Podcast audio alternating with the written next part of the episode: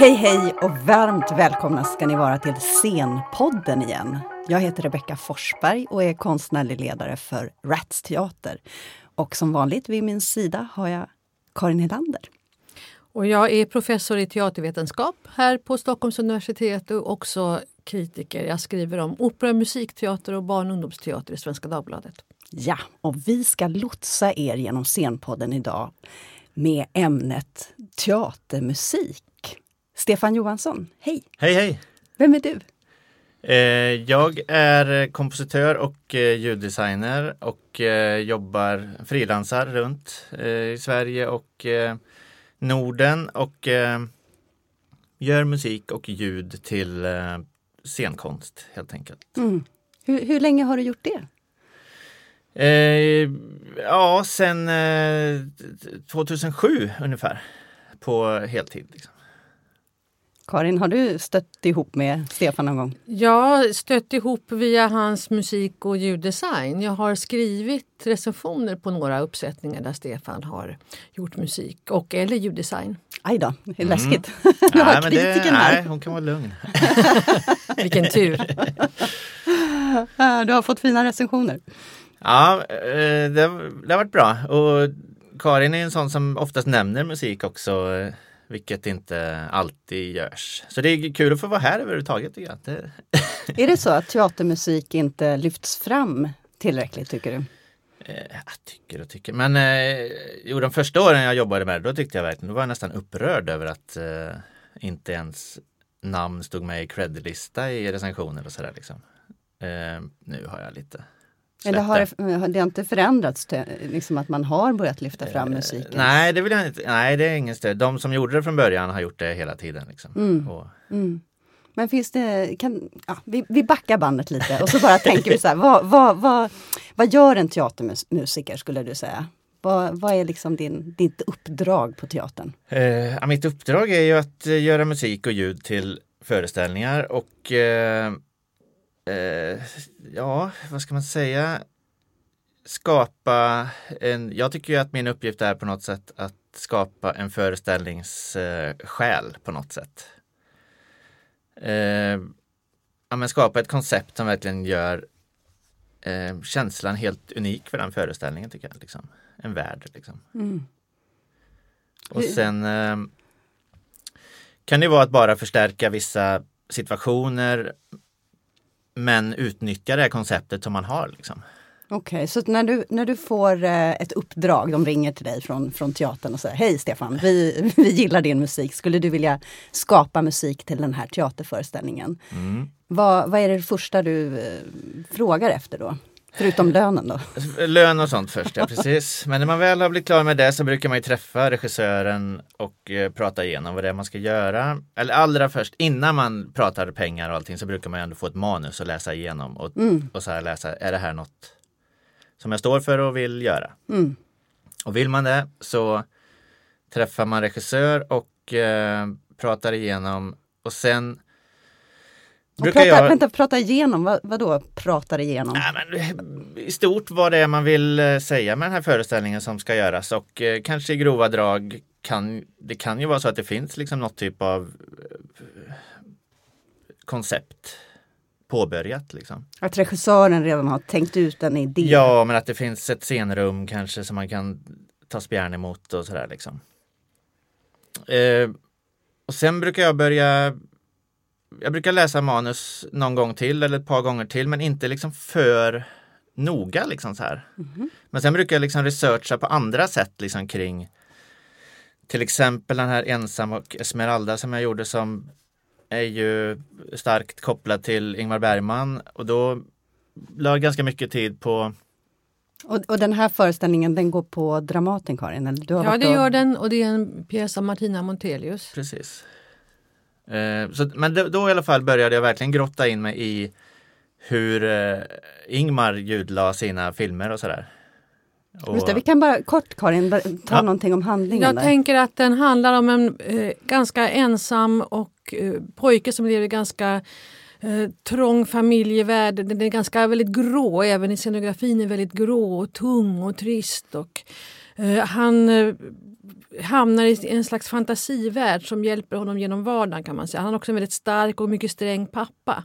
Mm. Och det bygger liksom på Bergmans barndom och Bergmans familjesituation. Och det finns en del Bergman-referenser i föreställningen. De behöver man inte känna till men gör man det så ser man dem. Mm. Men det handlar mycket om den drömmande pojken egentligen och hans fantasivärld som häver honom över verkligheten.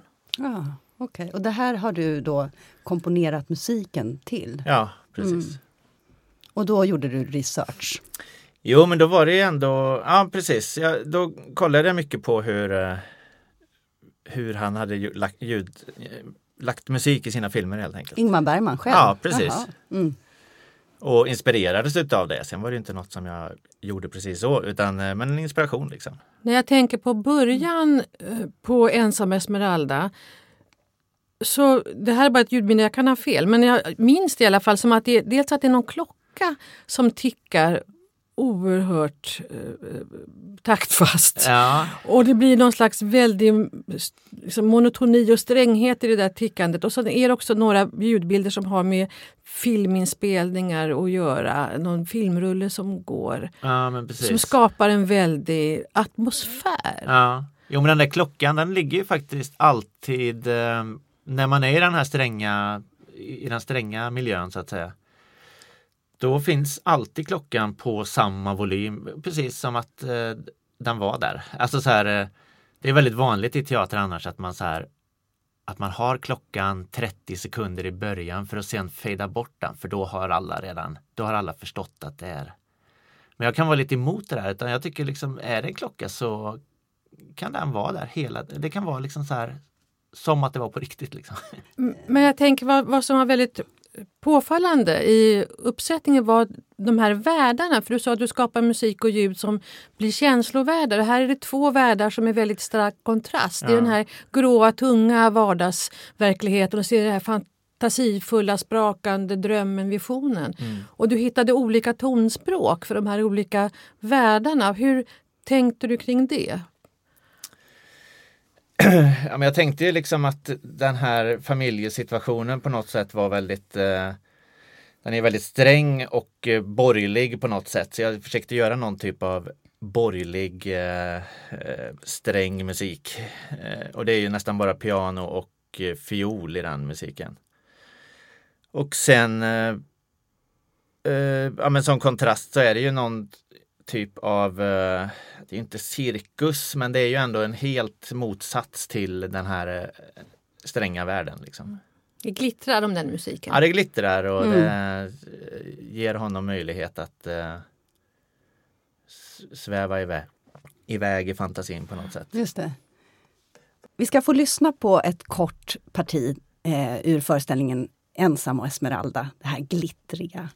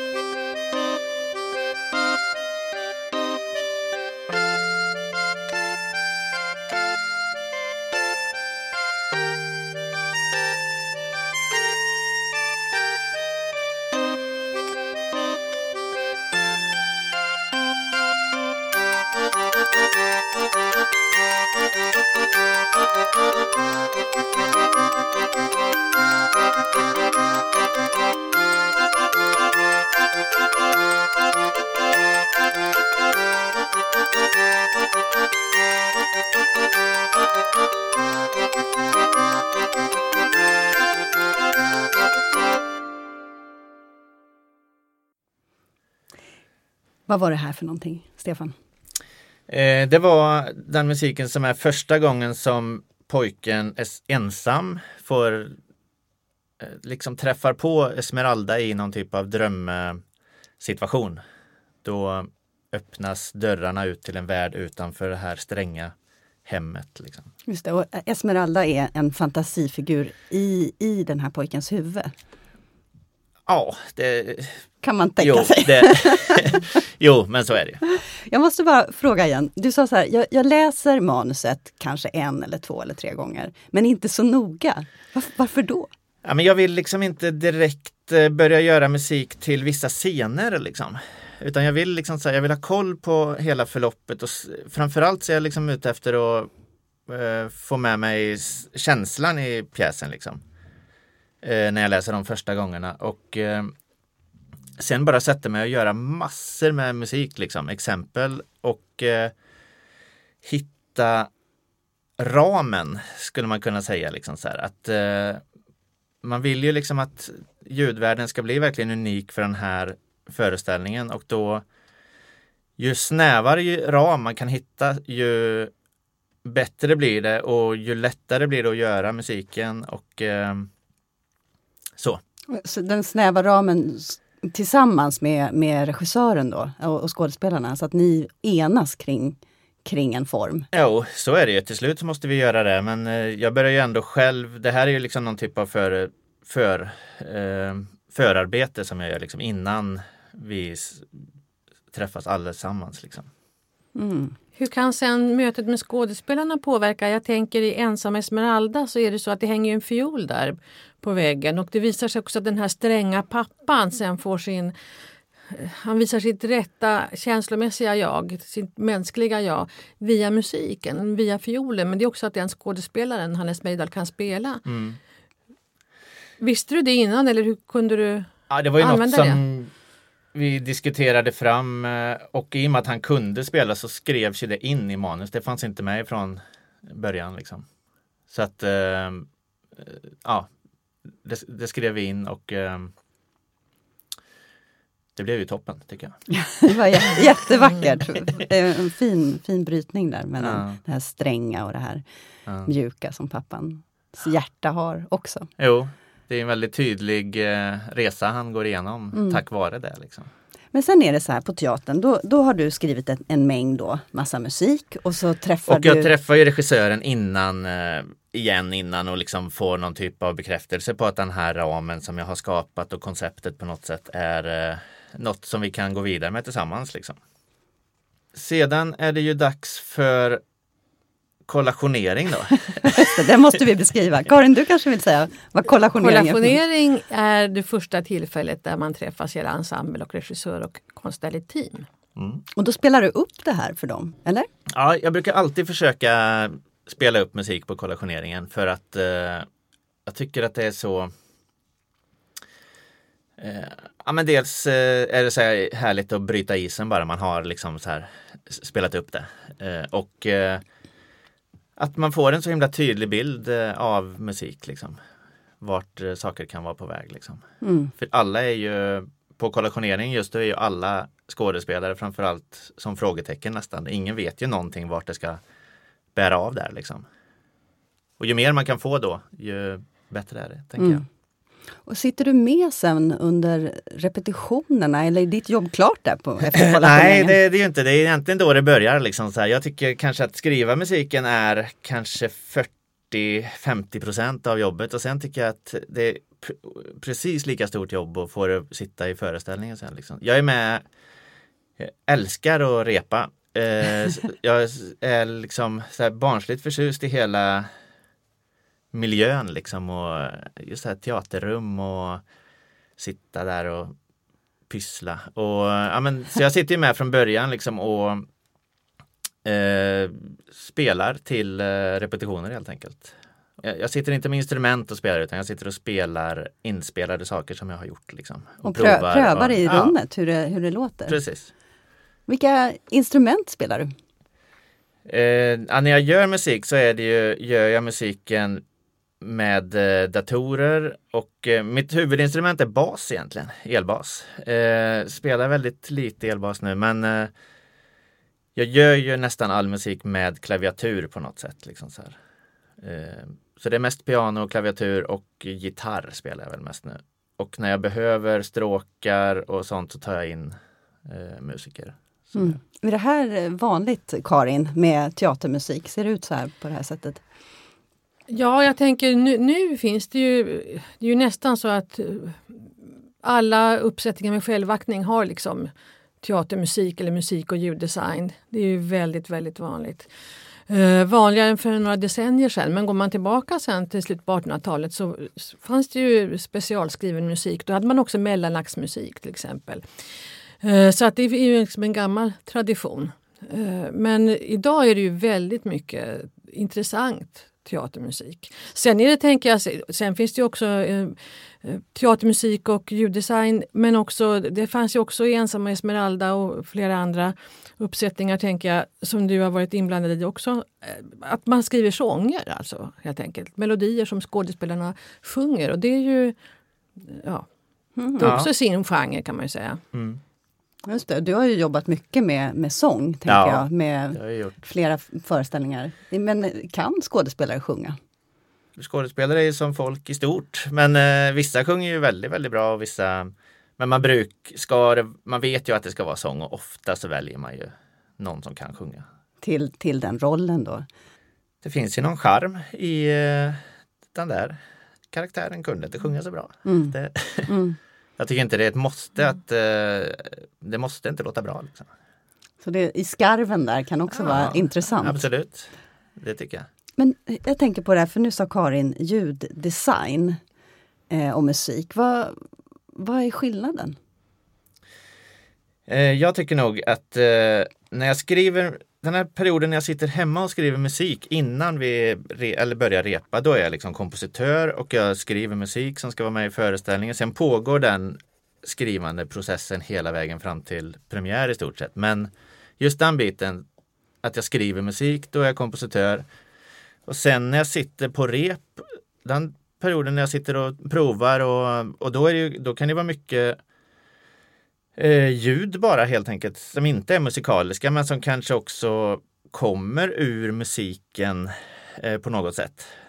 Just det, så att under rep, repetitioner alltså på Precis, teatern. när jag sitter i, i rummet och mm. provar så då tycker jag att jag håller på och gör ljuddesignen. Liksom. När jag okay. använder musiken och när jag eh, använder ljud som jag har skapat. Liksom. Just det.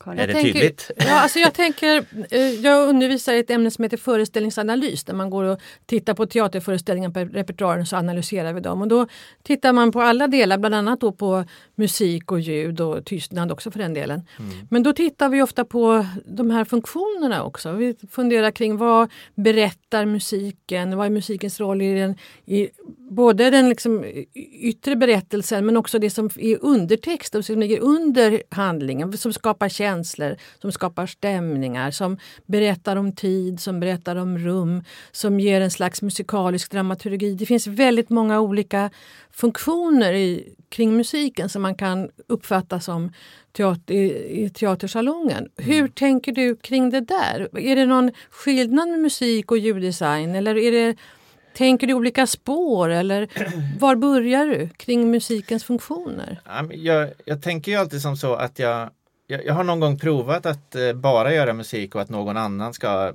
göra liksom ljudvärld, alltså den övriga ljudvärlden. Och det slutar liksom alltid med att jag gör alltihop till slut själv ändå. För att jag tycker liksom att eh, eh, alla ljud liksom ingår i samma koncept så att säga, tycker jag. Och sen som du säger, man kan ju använda musik och ljud på så himla många olika sätt. Alltså jag tänker ju ganska ofta eh, nästan på att jag tänker scenografi när jag gör ljudvärldar. Eh, liksom så här. Att, eh, och det är ett sånt himla bra sätt att eh, eh, snabbt byta rum eller byta total stämning i rummet. Och, alltså jag kan göra det snabbare än vad en scenograf kan göra. Liksom. Just det, så till exempel har vi något ljudexempel som alla känner till? Till exempel gå in genom en eh, dörr som en liten bjällra Eh, till exempel en kiosk eller? Det måste jo. finnas ljud som vi alla associerar till. Ja, men jag tänker också om man, om man åter ska gå till ensamma Esmeralda så tänker jag att det är ett lysande exempel när man går ifrån det här bistra hemmet liksom och att man så här, bara genom att samtidigt som dörrarna ut till världen öppnas så byter det totalt. Eh. Men ofta byter det med ljuset också, är det inte så? För jag tänker, jag kopplar ofta ihop ljuddesign och ljusdesign. Att eh, man kanske inte alltid hinner liksom braka in och ut en ny scenografi eller sådär, kulisser eller rekvisita eller dekorationer. Men däremot ett ljusmoment går sekundsnabpt och ljudmomenten går också sekundsnabbt. Så ofta så samspelar de. Är det Precis. någonting som du jobbar med? Ja absolut, det är ju ljusdesignen är ju den eh, min närmsta arbetskamrat ska man säga. Liksom, så här.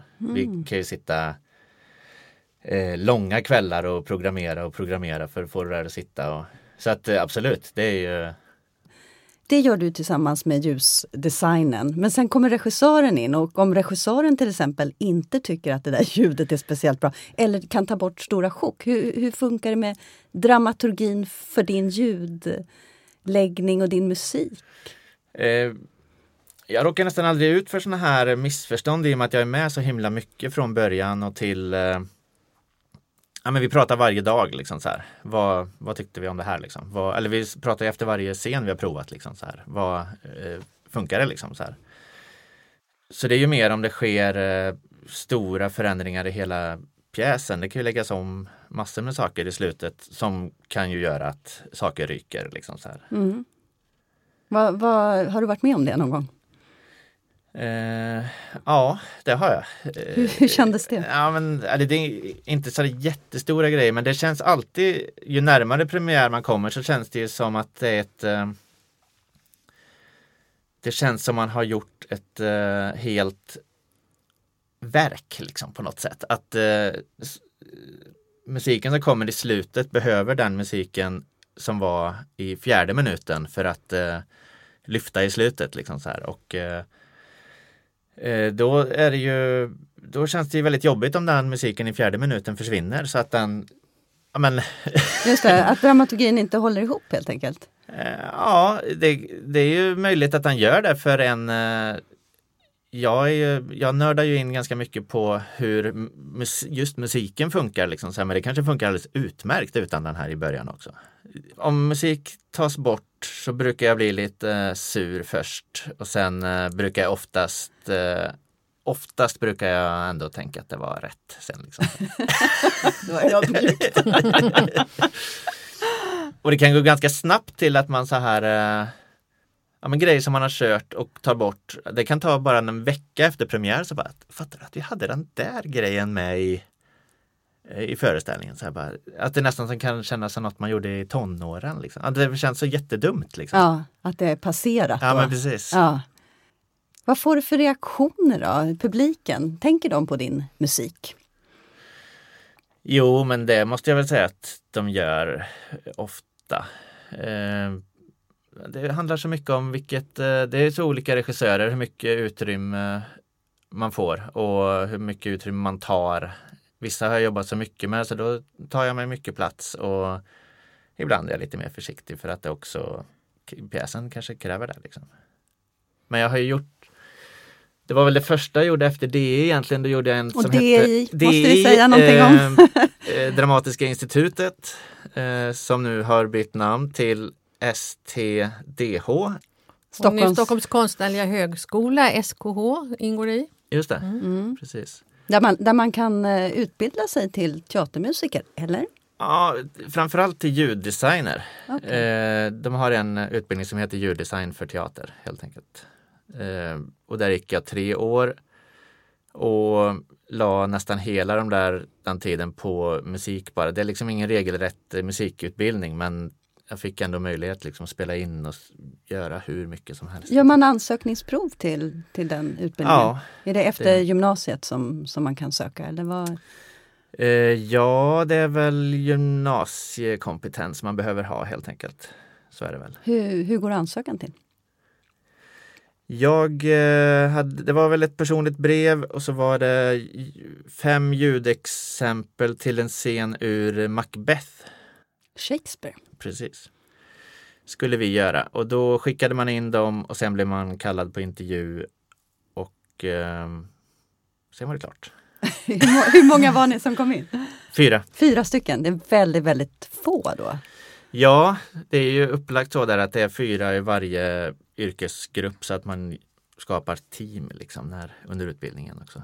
Tillsammans med regissörer, eh, ljus och... Ja, och producenter, eh, scenografer, kostym, Mm. mask. eh, Mm. Finns det andra sätt att, att, komma in i den här branschen än via Dramatiska institutet? Jag tror inte det, det faktiskt. Nej.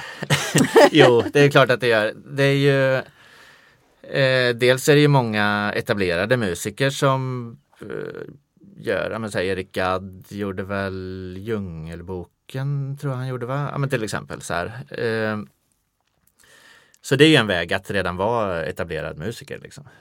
Nej, jag tänkte, för sen är du väl frilans. Det ligger väl, det är få teatrar som har fast anställda eh, kompositörer, tänker jag. Eh, så det är mycket frilanstillvaro. Du får liksom, tänker jag, flytta dig mellan olika frigrupper, institutioner och lite olika länder också. Mm. Är det stor skillnad på att göra teatermusik för en liten frigrupp och en institution med mer resurser? Och vad, vilka konsekvenser får den skillnaden? arbetsmiljömässigt är det en väldigt stor skillnad liksom att vara på en frigrupp och, eller en institution, helt klart. På en institution så är det ju, slutar man halv fyra så slutar man ju då. På frigrupper så slutar man ju när, eh, eh, ja, när man eh, kroknar helt enkelt. Liksom så här.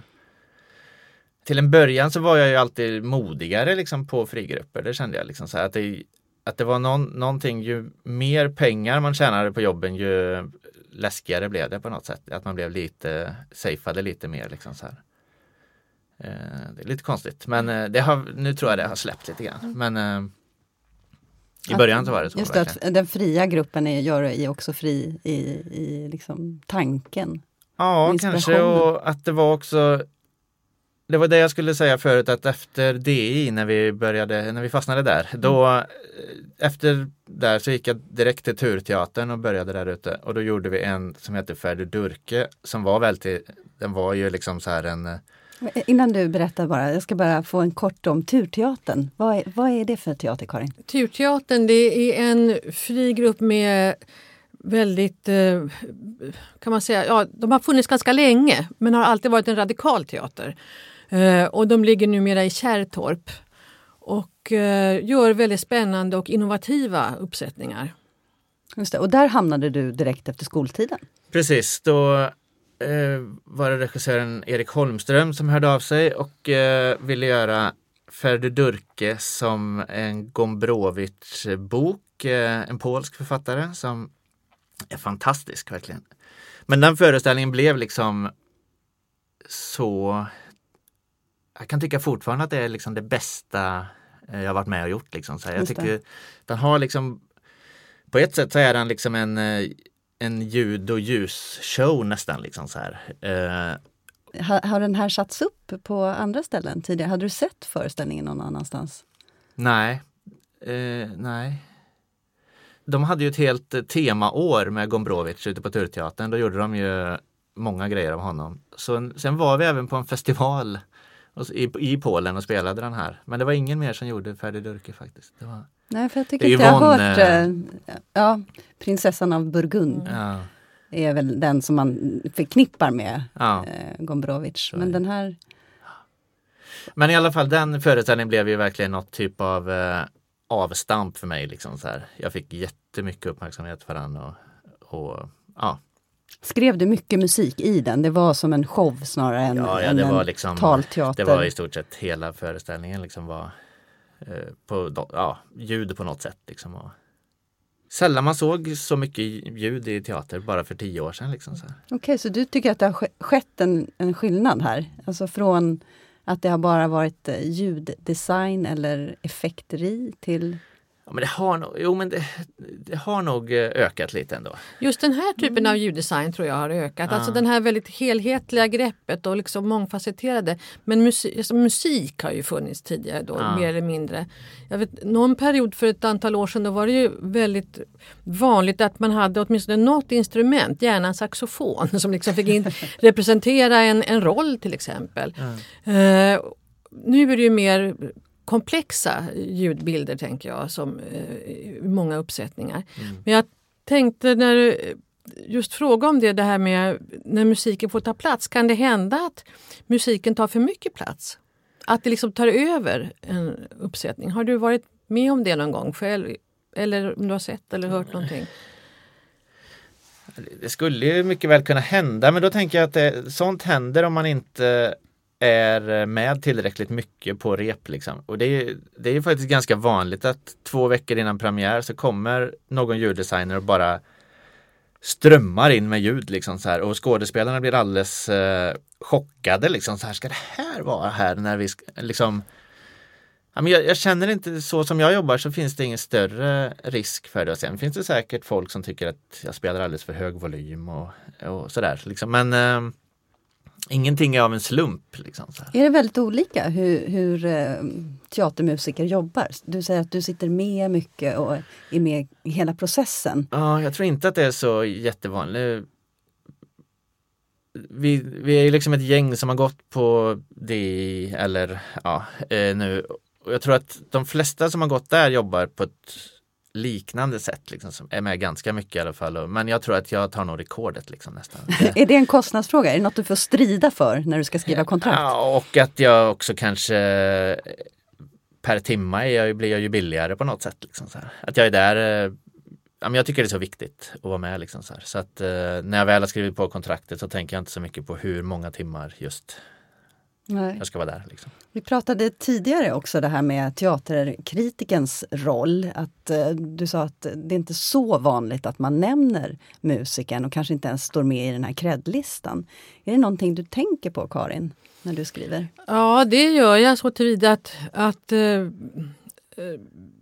en teaterföreställning eller en scenkonstföreställning idag är så otroligt komplex. Det är så många olika Eh, Eh, yrkesfunktioner och delar. Det är musik och ljud, det är skådespeleri, dans, rörelse, det är scenografens arbete, kostymörens, textens kanske. Det är på, vi får ganska lite utrymme i recensioner. Det är svårt att veta hur man ska balansera allt det här som man egentligen vill skriva om. Ofta får man ju välja då det som är särskilt viktigt för just den här uppsättningen. Och känner man då att musiken är viktig för en uppsättning som eh, Ensam Esmeralda som gjorde musiken till eller någonting annat, då vill man ju ändå framhäva det. Men det är, eh, det är alltid ett val man gör, vad det är som man ska eh, få plats att formulera sig kring.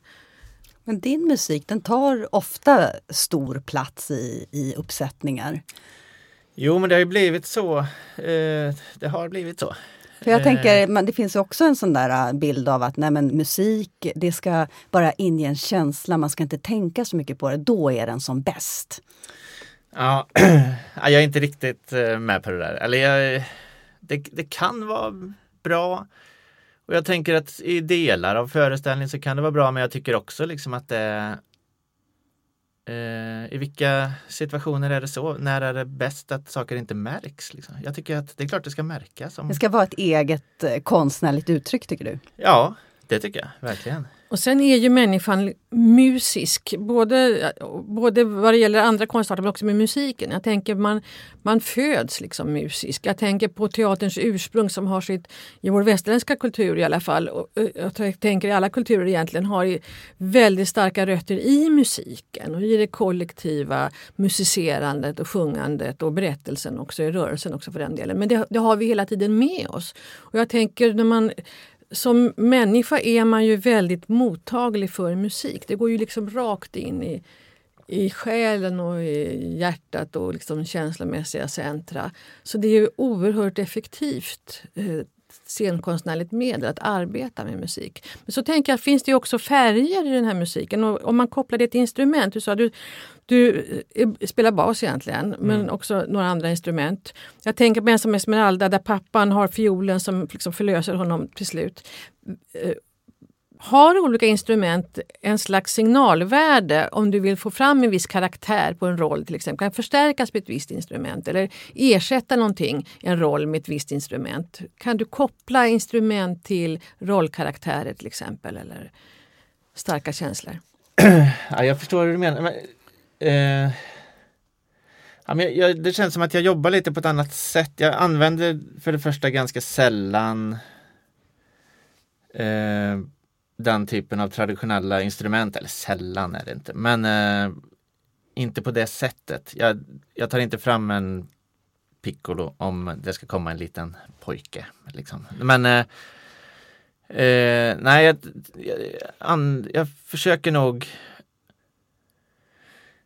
eh, Det känns också som att jag brukar jobba lite mer övergripande med musik, liksom så att jag inte liksom så här sätter musik på varje karaktär så mycket och eh, utan mer eh, att jag mer eh, letar efter stämningar och känslor i vad konsekvensen ur någonting som händer på scenen tror jag. Och jag tänker att det har säkert att göra med att det är ett nytt sätt att tänka, att du representerar ett nytt sätt att tänka kring det här med ljuddesign. För jag tänker ofta bakåt så har jag sett många uppsättningar där just ett instrument till exempel kan få vara en slags ledmotiv till exempel. Mm. Som kommer igen och så fort en karaktär av, kommer in på scenen så kommer det ett litet motiv i ett visst instrument och då känner man, ja visst ja.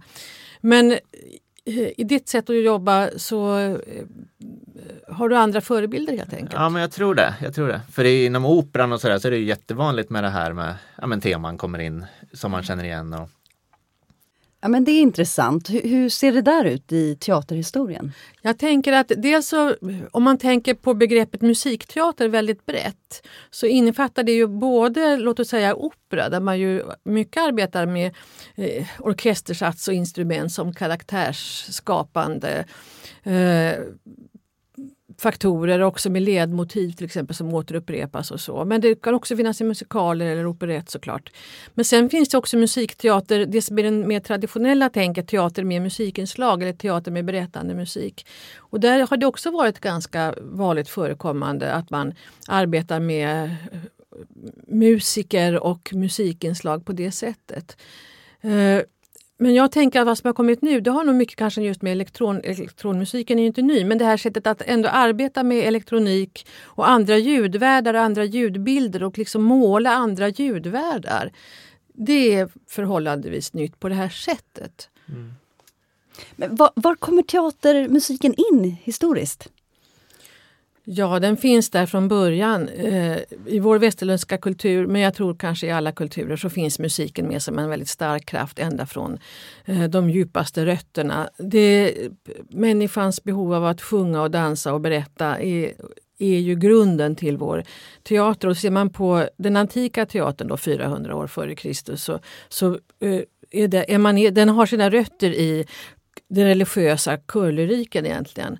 Så att musiken finns verkligen från början och sen är musiken med som en viktig faktor hela teaterhistorien. Det ser, på olika, eh, det ser ut på olika sätt. I den elisabetanska teatern, i Shakespeares teater, så hade man musik och sång och dans. Och sen kommer man till eh, andra teaterformer där musiken kanske har en annan funktion. Men musiken finns hela, hela tiden med.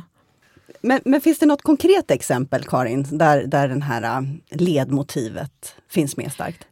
Ja, mest eh, konkret och påtagligt är det ju hos operatonsättaren Richard Wagner, eh, slutet på 1800-talet, 1800-talet, eh, som skrev ju operor som bygger mycket på ledmotivsteknik, där både teman och karaktärer har sina små ledmotiv som varieras i, på väldigt många och skiftande sätt. Det är liksom en musikdramaturgisk teknik kan man säga, som sen används på många andra sätt senare också i andra musikteatrala former än opera det här med ledmotiv som återkommer musikaliskt är ganska vanligt. Mm. Och när jag tänker efter så använder jag ju det också. Det är ju precis vad jag gör i Ensam Esmeralda egentligen. Varje gång Esmeralda kommer så kommer ju hennes tema. Liksom. Det är ju eh, Men det är mer, jag tänker mer att det är en musik jag gjort som skapar henne Alltså det är inte, ja det är som ett ledmotiv men det är inte ett instrument. Liksom. Det, var, det var det jag fastnade på lite. Att det var, Ja. Hur, hur, jobbar, du, jobbar du med livemusiker också? I dina jo men det händer ju eh, allt för sällan tyvärr, men det ju, händer ju ibland. Vi gjorde den här Kärleken kommer skilja oss åt på Dramaten som bygger på Joy Division-låtar och det var ju liksom en teaterkonsert får man väl säga. Då var det bandet Tonbruket som spelade. Eh, och, eh, men man kan väl säga att jag kanske en av, eh, en av tio föreställningar knappt så har jag liksom musiker som spelar. Varför har man inte fler oftare? För att det blir alldeles för dyrt. Mm. Det, och regissörer får ofta välja musiker eller skådespelare. Mm. Och då väljer nästan alla skådespelare. Liksom. Mm. Men vi gjorde en, vi gjorde en Per Gynt version i, i Norge och då eh, tog vi in eh, skådisar som kunde spela också. Så då var det åtta skådisar som både sjöng och spelade jättebra. Liksom. Så det var ju väldigt kul. Då, då Och vi svängde, svängde det helt enkelt. ja, ja, jätte, Men du Stefan, vilken bakgrund har du? Vilken musikalisk bakgrund har du? Ja men Det började ju någon gång på mitten av, eh, ja men typ 85 började jag gilla Depeche Mode väldigt mycket. Och eh, 86 så lyck- när jag var 14 år så lyckades jag på något sätt så här, lura till mig att åka de här 10 milen till Göteborg för att titta på dem. Och efter den kvällen så var ju liksom allt eh, helt eh, annorlunda. Liksom så, här. så då köpte jag liksom en eh, musikdator och en synt. Eh, det tog liksom typ tre dagar eller någonting så hade jag köpt det. Och, eh, och det var ju väldigt tidigt då. Det fanns ju knappt musikdatorer 86. Liksom så, här. så att eh, Så då höll jag på mycket med eh, det fram till eh, mm, kanske till 92. Då hände det någonting när jag började spela bas i massor med olika pop, indie band. Liksom så här. Och sen flyttade jag till Stockholm och började spela i något eh, lite rockigare eh, band. Eh, spelade fortfarande bas och sen runt 2000 igen så började jag, då köpte jag en ny musikdator liksom och började göra. Egen musik. Ja, det har jag ju liksom gjort, ja men eh, elektroniskt ja, precis. Skickade du det till teater eller hur, hur kom du på att du skulle också in på teatern? Eh, nej, men jag har väl varit intresserad av teater så sätt att jag har tittat på teater alltid men eh, hade inte på något sätt jobbat med det innan jag började på DI. Men någon gång där i början på 2000-talet så började vi så här diskutera att vi skulle skaffa barn och så. Och då insåg jag att jag måste ju fixa ett sätt så jag kan eh, få spela på dagarna. Liksom. Så jag kommer inte hinna gå till replokal nu liksom. Så då sökte jag det helt enkelt. Och det var inte sant, det var inte Det var musik och det var eh, Jag var redan intresserad av teater så det var inget jättekonstigt val liksom så här. Men eh, Och sen gick jag där och då eh, Ja, då kändes det som allt löste sig. På något sätt. Fick skriva musik både på dagtid och kvällstid. Ja, men precis. Ja, just det. Vad lyssnar du på för musik nu? Ja, det är ju eh, ganska blandat alltså, men det är ju det är ju lite lustigt för att Depeche har ju funnits med hela hela tiden. Jag satt häromdagen och skulle dra en presskonferens om sin nya skiva. Då satt jag så lika nervös som jag gjorde eh, 86 liksom så här. Satt och väntade på den här direktsända. Eh, så de finns ju alltid men sen eh, jag lyssnar på ganska mycket elektronisk musik och mm, det, är, det är väldigt blandat. Jag lyssnar mycket på musik men det är också nu sista åren så har det ju så lyssnar man på så mycket som man inte vet vad det är för att eh, ja, men med Spotify och allting man bara eh, konsumerar och vet knappt vad det är. Kommer du med egna förslag till teatrarna om föreställningar som du vill sätta upp? Eh, nej, men till eh, regissörer som jag brukar jobba med kan jag ju komma med idéer ibland. Och, eh, och den här Joy Division grejen var väl mitt förslag. Liksom så här. Som kom ur lite andra idéer så här, men just att det blev Joy Division var väl min idé. Och då ska du få någon regissör att nappa på att, att göra den här musikalen eller uppsättningen. Ja, vi var ju ganska, det var Sally Palmqvist, Prokopé som vi hade väl pratat om det och så där. Vi var sugna på att göra det där helt enkelt. Jag, jag funderar bara på det här med hur musiken kommer in i teatern och hur du kan eh, Upplever du att du kan påverka handlingen eller berättelsen med, med dina toner? Jo, men det är klart att man gör så fort så fort man spelar någon musik eller något ljud så skapas det någon eh, ny energi i rummet liksom som eh, sätter igång eh, känslor och tankar. Vissa kan väl tycka liksom att eh, man manipulerar genom att spela musik och så, men det är också liksom en det är ju ett konstverk som vi i ett team har gjort och det är ju på något sätt våra kommentarer liksom till eh, olika scener. Så tänker jag ganska ofta. Att eh, Jag tänker också, kan du gå emot berättelsen till exempel? Alltså om det är väldigt eh, eh, sorgligt till exempel. Ja, eh, det är kanske vanligare att man gör tvärtom. Om någonting är väldigt våldsamt så spelar man något sorgligt eller, eller något vackert till det till exempel. Men det är ju absolut, det går ju, det är ju ofta väldigt effektivt att eh, göra en motreaktion till vad som händer. Liksom. Absolut. Så är det ju. Hur ser det ut Karin, om man tittar på Ja, historien? Ja, ja, det kan ju se olika ut. Jag tänker på uppsättningar av som det som Stefan representerar. Så tänker jag att det är egentligen samma sorts tänk som Richard Wagners allkonstverk, opera från sent 1800-tal. Att alla teaterns element samverkar i en liksom, kraftsamling verkligen eh, av scenkonstnärliga uttryck. Och där eh, musiken och ljuddesignen som du gör, det, det bär liksom berättelsen och öppnar flera... Det öppnar upp spjällen skulle jag säga till liksom känslomässiga lager och intuitiva eh, känslor som man svarar mot det man ser. Det blir liksom mer mångskiftande, mångdimensionellt. Det sätter sig i kroppen på ett annat sätt när musiken är så närvarande hela tiden. Men sen kan man ju titta tillbaka och det finns ju också, om vi säger Brecht-uppsättningar där sångarna kan ha en väldigt speciell karaktär av kommenterande, eh, politiskt kommenterande avbrott tysk, kan man säga. eh, dramatiker. Ja, tysk dramatiker Bertolt Brecht. Där som har en politisk funktion. Jag tänker också musikens betydelse, låt oss säga på 70-talets Eh, var väldigt viktig för 70-talets fri grupprörelse där man arbetade nära eh, proggmusiken och den fria teaterkonsten. Då. Jag tänker både på på till exempel Nationalteatern i Göteborg men också en sån känd och nästan eh, teaterhistorisk klenod som Jösses flickor som Susanne Åström och Agarpe gjorde med Gunnar Edanders väldigt slagkraftiga och klatschiga dängor verkligen.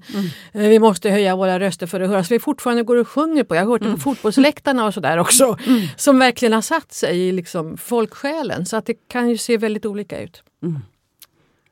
Men jag tänker också när jag gör eh, framförallt till eh, barnteater och ungdomsteater att jag liksom försöker så här plantera lite små, eh, att eh, det här kan musik vara liksom så här. Att det inte, att jag, jag försöker aldrig eh, eh flörta med ungdomar liksom. Jag gör aldrig raplåtar liksom så här utan att jag liksom försöker liksom så här om jag får för mig så här att jag tycker att barn borde lyssna mer på kraftverk. Då liksom försöker jag ändå dra det ditåt lite så här. Och det tackar vi för, säger jag som går på mycket barn och ungdomsteater. Det är ju en fördom det där med att barn tycker att vill ha enkla me- melodier. Liksom så. Eh, Jag tror att det är helt rätt att tänka så. Ja. Mm.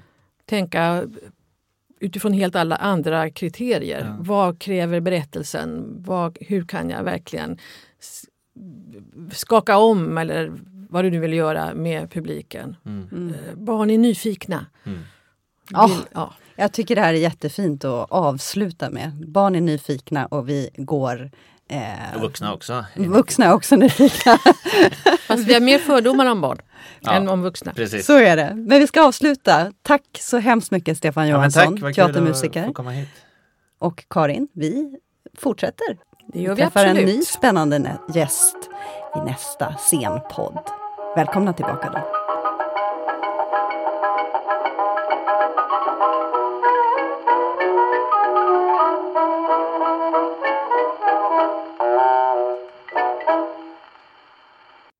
Du har lyssnat på Scenpodden, en podcast från Rats Teater och Humanistiska fakulteten vid Stockholms universitet.